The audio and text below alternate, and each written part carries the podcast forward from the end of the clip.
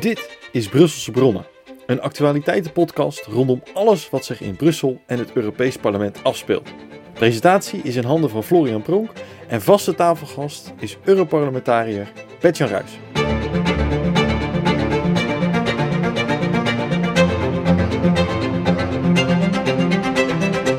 Onze speciale gast is dit keer Catharina Rinsema, 36 jaar geleden geboren in Soest, in een derde generatie domineesgezin. Ja, de liefde bracht haar naar Brussel. Via de VVD-afdeling Brussel werd ze namelijk kandidaat voor het Europese parlement. Enkele dagen geleden mocht Catharina aantreden als kerstvers Europarlementslid als opvolging van Liesje Schrijnemacher. Die was toegetreden tot het nieuwe Nederlands kabinet. Rinsema is in het Europese parlement actief in de commissies voor internationale handel en voor de interne markt en consumentenbescherming. En ze is bekend door haar verkiezingscampagne waarin ze zich profileerde als zwanger en kandidaat. Nou, ik begreep inmiddels is zo'n Elia ter wereld gekomen en eet in Brussel dus zowel uh, als uh, boterhammen. Welkom uh, Catharina. Hoe bevalt het Europese parlement zo? Dankjewel Florian. Allereerst ontzettende eer om vandaag bij deze Brusselse Bronnen podcast te zijn. Dus heel veel dank aan jou Bert-Jan voor deze uitnodiging. Het bevalt goed um, in het Europees Parlement. Uh, het vooroordeel van Brussel is dat er heel veel grijze pakken, grijze haren en grijze ideeën zijn. Nou, dat valt gelukkig ontzettend mee. Er is echt een hele grote groep mensen hier met goede ideeën en frisse energie die uh, Nederland beter en sterker willen maken. Dus bevalt me heel goed. Leuk, je hebt een warm welkom gehad. Absoluut. Ja, collega's van alle landen en uh, kleuren en geuren die uh, doen een handreiking om uh, op weg te helpen. Je verdwaalt namelijk heel veel in de gebouwen hier. Ja. En ik voel me af en toe een beetje een soort kuifje in Brussel of Alice in Wonderland. want het gaat allemaal razendsnel met vergaderingen en stemmingen en plekken waar je moet zijn. Maar nee hoor, ja. de sfeer is collegiaal en goed. Nou, heel leuk. Ja, onze vaste tafelgast uh, Bert-Jan Ruijsen, uh, Europarlementslid naast, namens de, de SGP in de ECR-groep. Uh, ja, Bert-Jan, jij bent ook, zit ook aan tafel. kende je Catharina al? Nou, een paar weken geleden hebben we elkaar even gesproken, kennis gemaakt. En vandaag hebben we ook weer eventjes onder de genot van een bakje thee even wat dingen doorgesproken. Dus nee, we, we, kennen elkaar. in die zin proberen we echt elkaar ook echt op te zoeken in het Europees Parlement. Ook als Nederlanders onderling omdat die, die onderlinge contacten denk ik ook gewoon heel belangrijk zijn. Ja. Omdat het ook met z'n allen ook wat de Nederlandse belangen goed voor het oog uh, moeten zien te krijgen. En daar ook gewoon voor, uh, voor gekozen zijn om daarvoor op te komen. Dus dan is die onderlinge samenwerking en het contact te leggen onderling is toch gewoon heel belangrijk. Dus extra mooi, Catharina, dat je in onze podcast uh, kunt zijn vandaag.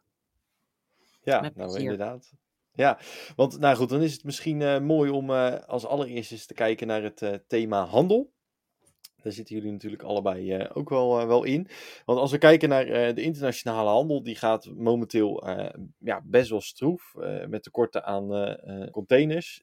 is dat nog door de coronacrisis? Wat kan de Europese Unie daaraan doen, Catharina? heb jij daar misschien een, een ja, idee voor? Ja, uh, als het gaat om chips, uh, ben ik natuurlijk ontzettend trots over wat wij uh, met ASML in Nederland allemaal voor elkaar krijgen. Dat is echt topniveau. Maar het klopt ja. wel, door de coronaperiode is er ontzettende problemen in productieketens wereldwijd terechtgekomen. En ook als het gaat over de containers en havens wereldwijd.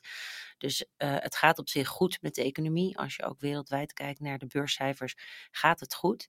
Werkgelegenheid is sterk. Nog nooit zijn er zoveel mensen aan het werk geweest. Maar tekorten lopen wel op. En is ook de vraag hoe snel die tekorten allemaal weer ingehaald kunnen worden. Dus het heeft nog wel tijd nodig.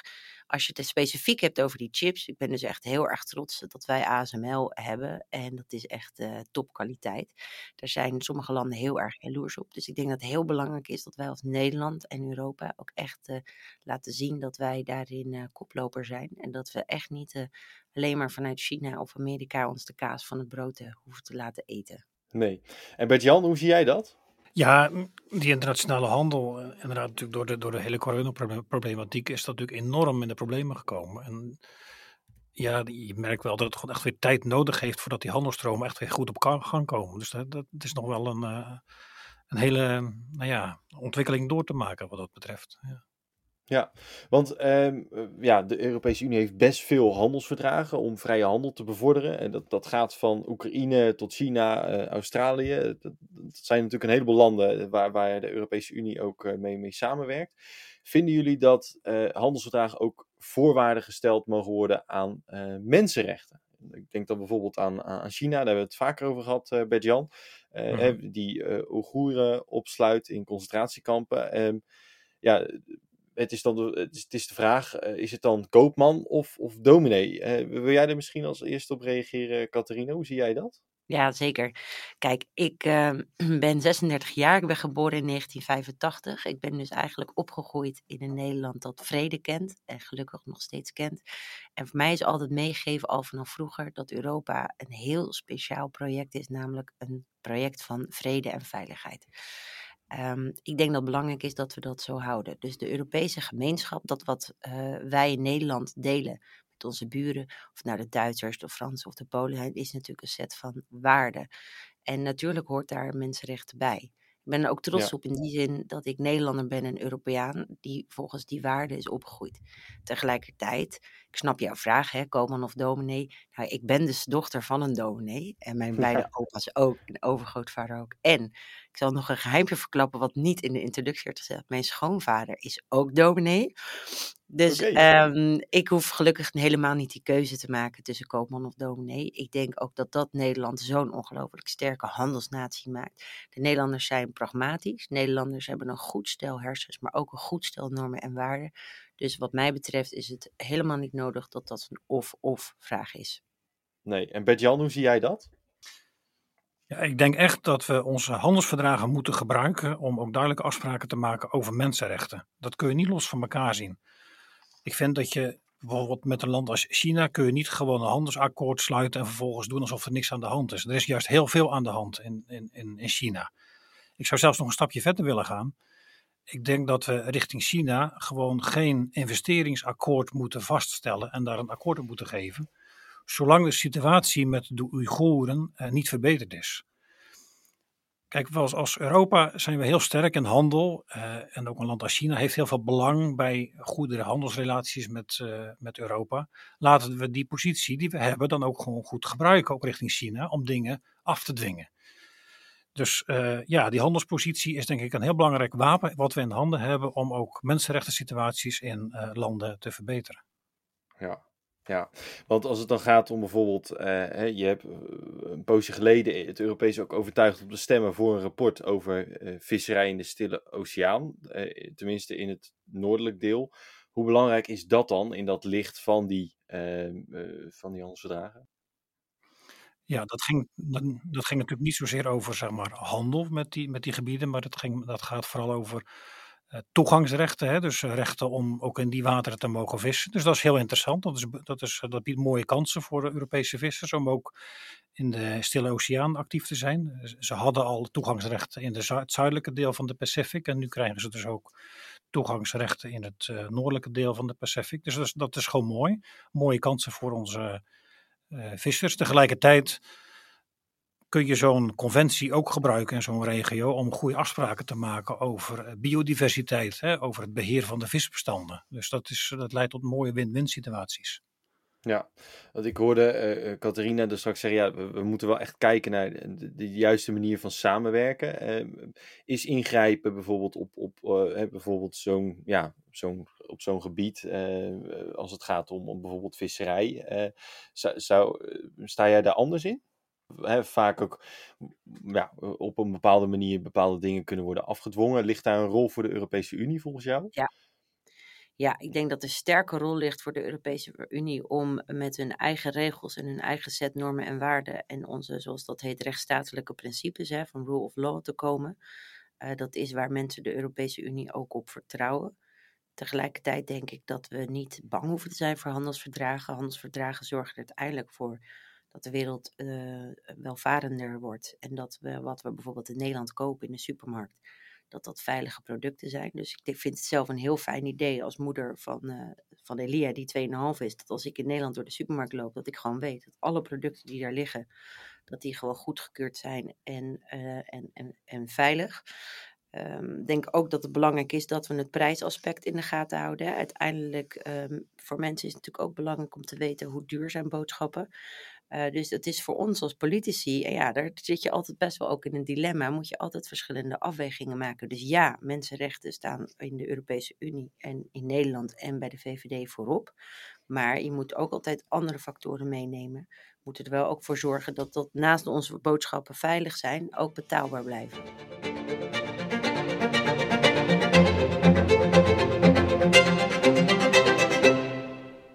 Nou, dit is gelijk een mooi bruggetje ook naar het uh, volgende onderwerp, namelijk een stukje ja, uh, verder. Hè. Je had het nu over mensenrechten, maar we willen het ook graag hebben over bijvoorbeeld vrouwenrechten. Nou, de, de SGP staat daar natuurlijk uh, wat conservatief in ten opzichte van de, van de VVD.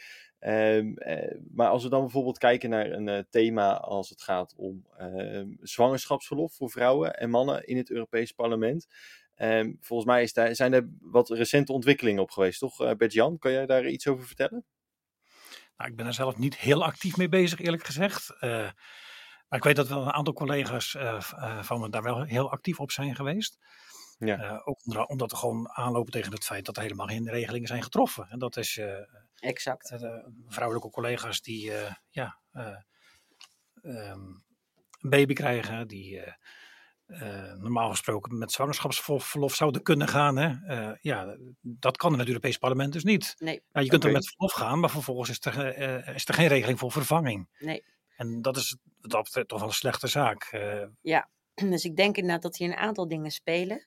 Kijk, um, politici zijn gewone mensen. Hè? En uh, dat betekent gewone gelukkig. mensen. Ja, gelukkig. Uh, zoals ik. Uh, ik ben nu 36 jaar. Ik kreeg een positie van de VVD op de lijst. Natuurlijk weet de VVD dat er grote kans is dat de mensen die ze op de lijst zetten, jonge mensen, dat er best de mogelijkheid bestaat dat die graag een gezin willen stichten, hè, als het hen gegeven is. Dus inderdaad, ook in mijn geval, ik had een hele mooie plaats op de lijst gekregen. En uh, vervolgens um, ja, blijk ik zwanger. Nou, ongelooflijk dankbaar voor. Tegelijkertijd denk je dan, hoe moet dat nou? En dan ga je ook daar een beetje wikken en wegen. Je praat met je partner, je praat met je familie. En uh, dan hoop je eigenlijk dat je werkgever of je baas uh, dat die daar uh, gewoon prettig een begrip voor op reageert. Nou, in mijn geval ging het niet om mijn baas, maar het ging om de politieke partij waar ik op de lijst sta. Dus ik ben inderdaad gaan praten met verschillende mensen binnen de VVD van, goh, ja, ik wil jullie toch alvast in vertrouwen vertellen, um, wij verwachten een kind. Hoe gaan we dat straks doen? En ik was best een beetje zenuwachtig om die vraag uh, te stellen. En ik kreeg gelukkig overweldigend positieve respons van, nou natuurlijk, het hoort gewoon bij leven. Dit is ontzettend mooi nieuws. En we ja. gaan je op alle manieren helpen. Dat is ook gebeurd in de campagne. Uh, alleen vervolgens, en daar kan de, uh, nog de partij van Bert-Jan, nog uh, de VVD iets aan doen, kom je dan in het geval van het Europees Parlement, ja, loop je tegen toch vrij ouderwetse regelgeving aan dat als uh, je als vrouwelijke Europarlementariër even een tijdje uh, eruit bent vanwege verlof, dat je in feite afgestraft wordt voor het feit dat je uh, kinderen krijgt, omdat je stemrecht niet vervangen wordt door iemand anders. Nee, helder. Zeggen, is dat nou zo erg? Maar ja, dat is ontzettend zonde. Ja, en Bert-Jan, hoe, hoe reageer jij daarop? Nou, dat we daar hier, hier, iets voor moeten regelen. Ik vind het heel normaal dat je voor dit soort situaties een verlofregeling uh, instelt, maar dat je ook regelt dat mensen dan tijdelijk vervangen kunnen worden. Niet alleen tijdens zwangerschap, schapsperiode, maar ook bijvoorbeeld voor ziekteperiodes. Ja, Daar is ook volgens exact. mij nog niks voor geregeld. Nee. En dat is in de Tweede Kamer wel netjes geregeld. Ja. Ja. Als je daar wordt geconfronteerd met de burn-out of anderszins, ja. dan ja. kun je voor een, nou, een, bepaalde periode kun je even terugtrekken en kun je laten vervangen. Nou, ik vind dat er zoiets in het parlement ook uh, moeten doen in het Europees Parlement. Ja, ik ben ja. het helemaal met je eens. Kijk, ik, uh, inmiddels is mijn zoontje 2,5 jaar, maar er zijn ook collega-Europarlementariërs die bijvoorbeeld net uh, moeder zijn geworden. Ja, en wat doe je dan uh, met de, de, verzorging van je kind? En als je moet stemmen, er zijn best wel wat vrouwelijke Europarlementariërs die hebben dus ja, hun kind wel eens meegenomen naar vergadering of naar stemming. Ook gewoon om toch een beetje te laten zien van ja, maar jongens, dit is de realiteit als we geen goede regelingen hebben. Dus ik heb goede hoop, Bert-Jan, hm. dat over een paar jaar zeggen, oh weet je nog, die tijd dat er geen uh, verlof- en ziekteregelingen uh, waren. Dat hoop ik. En wat ik ook hoop, ja. dat is dat we ook iets mogelijk blijft van hybride vergaderen en hybride mm. stemmen. Met andere woorden, dat je ook vanuit je thuissituatie kunt stemmen of kunt meevergaderen. Dat zou ook in dit soort situaties ook al een uitkomst bieden. Hè? Dat je inderdaad niet met de kleine baby op pad moet naar Straatsburg om te moeten gaan stemmen. Maar dat je dat ook gewoon vanuit thuis kan doen. Dat, dat helpt ook al. Helemaal dat betreft, Moet, dat betreft moeten we toch wat meer meegroeien met de tijd. Ja, ja. helemaal eens. Uh, ik kan me best voorstellen dat uh, dit is een van die vrouwenrechten waar het om draait. Ik kan me ook voorstellen dat er vrouwenrechten zijn, Catharine, waar jij wel voor opkomt ehm, en waar Bert-Jan anders in staat. heb je daar misschien een vraag over richting Bert-Jan?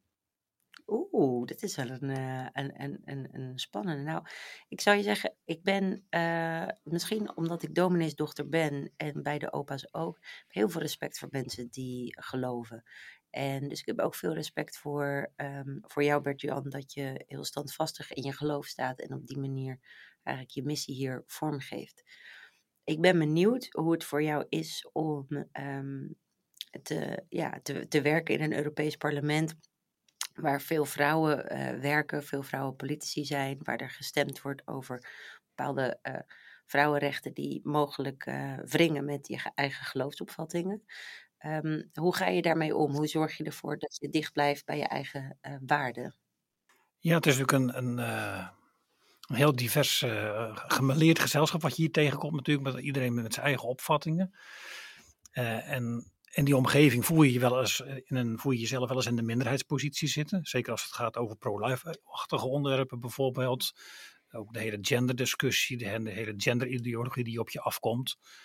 Ja, dan is het toch belangrijk om ook voor jezelf voortdurend terug te gaan naar je wortels. En het dwingt jezelf ook om, om na te denken en na te gaan over waar sta ik nu precies hè? en, en uh, waarom vind ik bepaalde dingen. Dus je dwingt, het dwingt jezelf ook om daar goed over na te denken en, en tot een bepaald gedegen onderbouwd standpunt te komen. Maar ik merk ook dat het gewoon heel belangrijk is om uh, met collega's in gesprek te gaan die ook nou ja, de, dezelfde opvattingen hebben. Dus ik probeer ook coalities te sluiten, uh, bevriende parlementariërs op te zoeken, ook, uit andere landen. Om te kijken van, nou ja, wat, wat, hoe gaan wij nou om met thema's uh, die, uh, ja, wat ons betreft, echt de verkeerde kant op gaan. Zo zijn we momenteel nu bezig met het ACP-verdrag. Europa probeert in het ACP-verdrag allerlei passages op te nemen over sexual reproductive rights. Met als idee van, wij vinden ook dat Afrika ook bijvoorbeeld abortuswetgeving vrij moet geven. Nou dat vinden wij natuurlijk een hele kwalijke zaak. Dus ik ben nu samen met een aantal andere collega's bezig om een strategie uit te stippelen. Hoe kunnen we hier nou mee omgaan? Hoe kunnen we nou via amendement of anderszins of schriftelijke vragen, ja, dit wat ons, in onze ogen toch iets kwaads is, hoe kunnen we dit kwaad zien te voorkomen? Ja.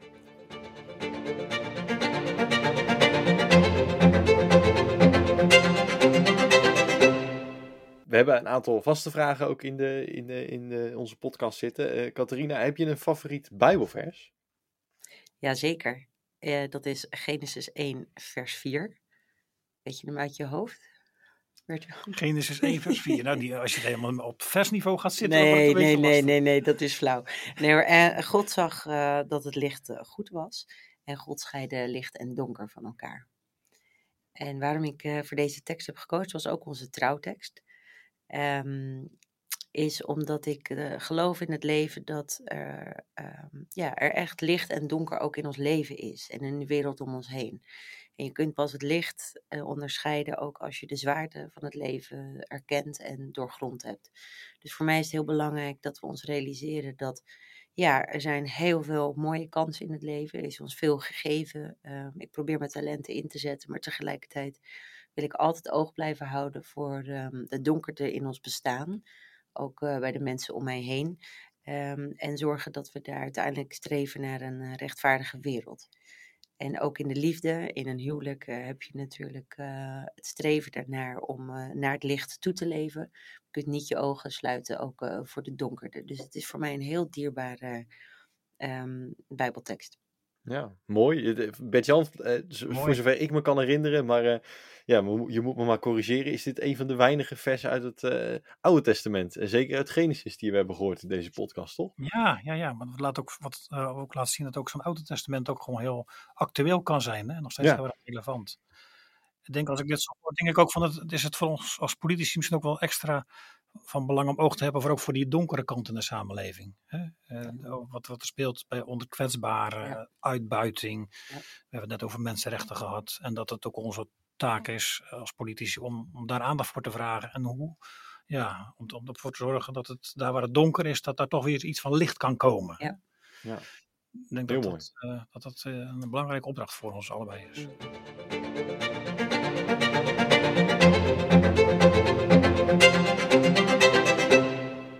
Catharina, wat zou je doen als je in een dag alles voor het zeggen zou krijgen in Europa? En dat is natuurlijk een uh, fictieve vraag, maar wat zou je nou heel graag willen veranderen als je gewoon een dag zou mogen zeggen in uh, Europa? Ja, een ontzettend uh, spannende vraag. Er natuurlijk heel veel leuke antwoorden op te bedenken. Voor mij zou ik het iedereen gunnen om goed te kunnen lezen en schrijven en om te kunnen gaan met de computer. En waarom zeg ik dit? Ik heb de afgelopen jaren voor Stichting Lezen en Schrijven gewerkt. Nederlandse stichting die aandacht heeft voor alle mensen in Nederland en in Europa die dus moeite hebben met lezen en schrijven en omgaan met de computer. En ik zie dat er soms duizend stappen zitten tussen de belevingswereld van mensen die daar moeite mee hebben en onze belevingswereld. En dat knaagt aan me. En ik zie dat, uh, dat die stappen eigenlijk steeds uh, verder van elkaar vandaan komen dan dichterbij. Dus het zou voor mij een ontzettende droom zijn als ik wakker zou worden uh, in een Nederland en in een Europa waar mensen zelfredzaam zijn, uh, waar ze weten hoe ze uh, um, bijsluiters van medicijnen moeten kunnen lezen of hoe ze hun doktersafspraken zelf kunnen maken of belastingformulieren invullen of op een veilige manier op het internet ja. surfen. Dat zou ik mensen dus... echt gunnen. Ja, en hoe zou je dat concreet vanuit Europa willen stimuleren? Kan je, kan je gewoon één kort dingetje noemen? Nou, heel belangrijk is dat, kijk, onderwijs, daar gaan we natuurlijk gewoon als Nederland zelf over. En ik wil ook dat dat zo blijft. Maar je het hebt over de arbeidsmarkt en hoe zorgen we ervoor dat de, de mensen die aan het werk zijn of nog aan het werk gaan of die graag van baan willen veranderen, hoe zorg je nou voor dat die mensen gewoon voldoende vaardigheden hebben? Ja, dat gaat toch echt via de vaardigheden van de computer en goed kunnen lezen en goed kunnen schrijven. Dus ik zou echt oproepen dan in alle Europese landen dat je samen met bedrijven, samen met de vakbonden, samen met de opleidingsinstituten echt zegt: jongens, hoe zorgen we nou voor dat alle mensen die in uh, Nederland en Europa van school afkomen, die klaar zijn voor de toekomst en klaar zijn voor een baan? Ja, heel mooi. Bert-Jan, dat is denk ik een, een nobel streven, denk je ook niet? Nou zeker, en ik herken me ook wel heel sterk in het beeld van ja, dat als het gaat over uh, leesvaardigheid, dat het natuurlijk momenteel enorm onder druk staat. Hè? We zitten in een digitale digitale wereld te werken, beeldcultuur, uh, kinderen of uh, jongeren en kinderen, maar ouderen even goed denk ik. Ja, ja, ja, wij, op, ja, wij ook. Op onze telefoontjes te, te, te, gluren en uh, filmpjes te kijken en anderszins. Maar misschien moeten we toch wat vaker gewoon weer eens een, gewoon een klassiek boek openslaan en daarin lezen.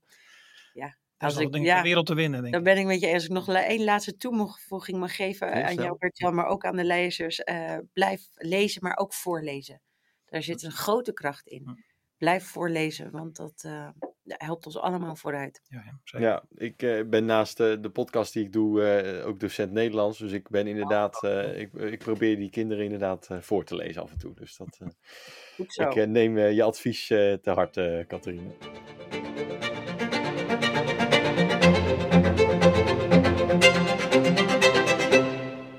Uh, wat staat er voor de komende periode voor jullie op de agenda? Je mag uh, van mij één ding noemen. Catharina, dan begin ik bij jou.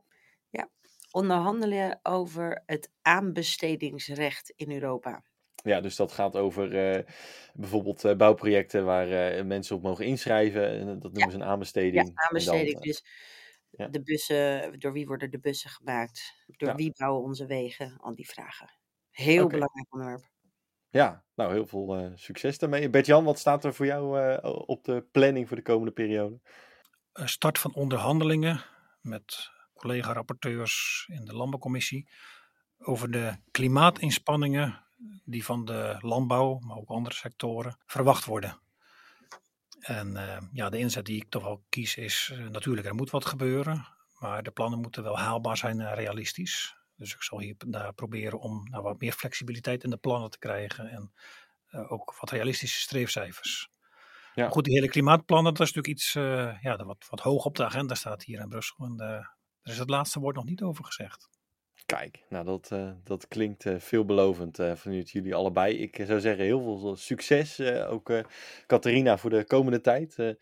je bent nu nog cashvers, maar hopelijk blijf je nog een poosje zitten. En nou ja, Bert-Jan, jij ook heel veel succes met de onderhandelingen en het werk in het Europees Parlement. Dank jullie wel. Dankjewel hoor, Florian.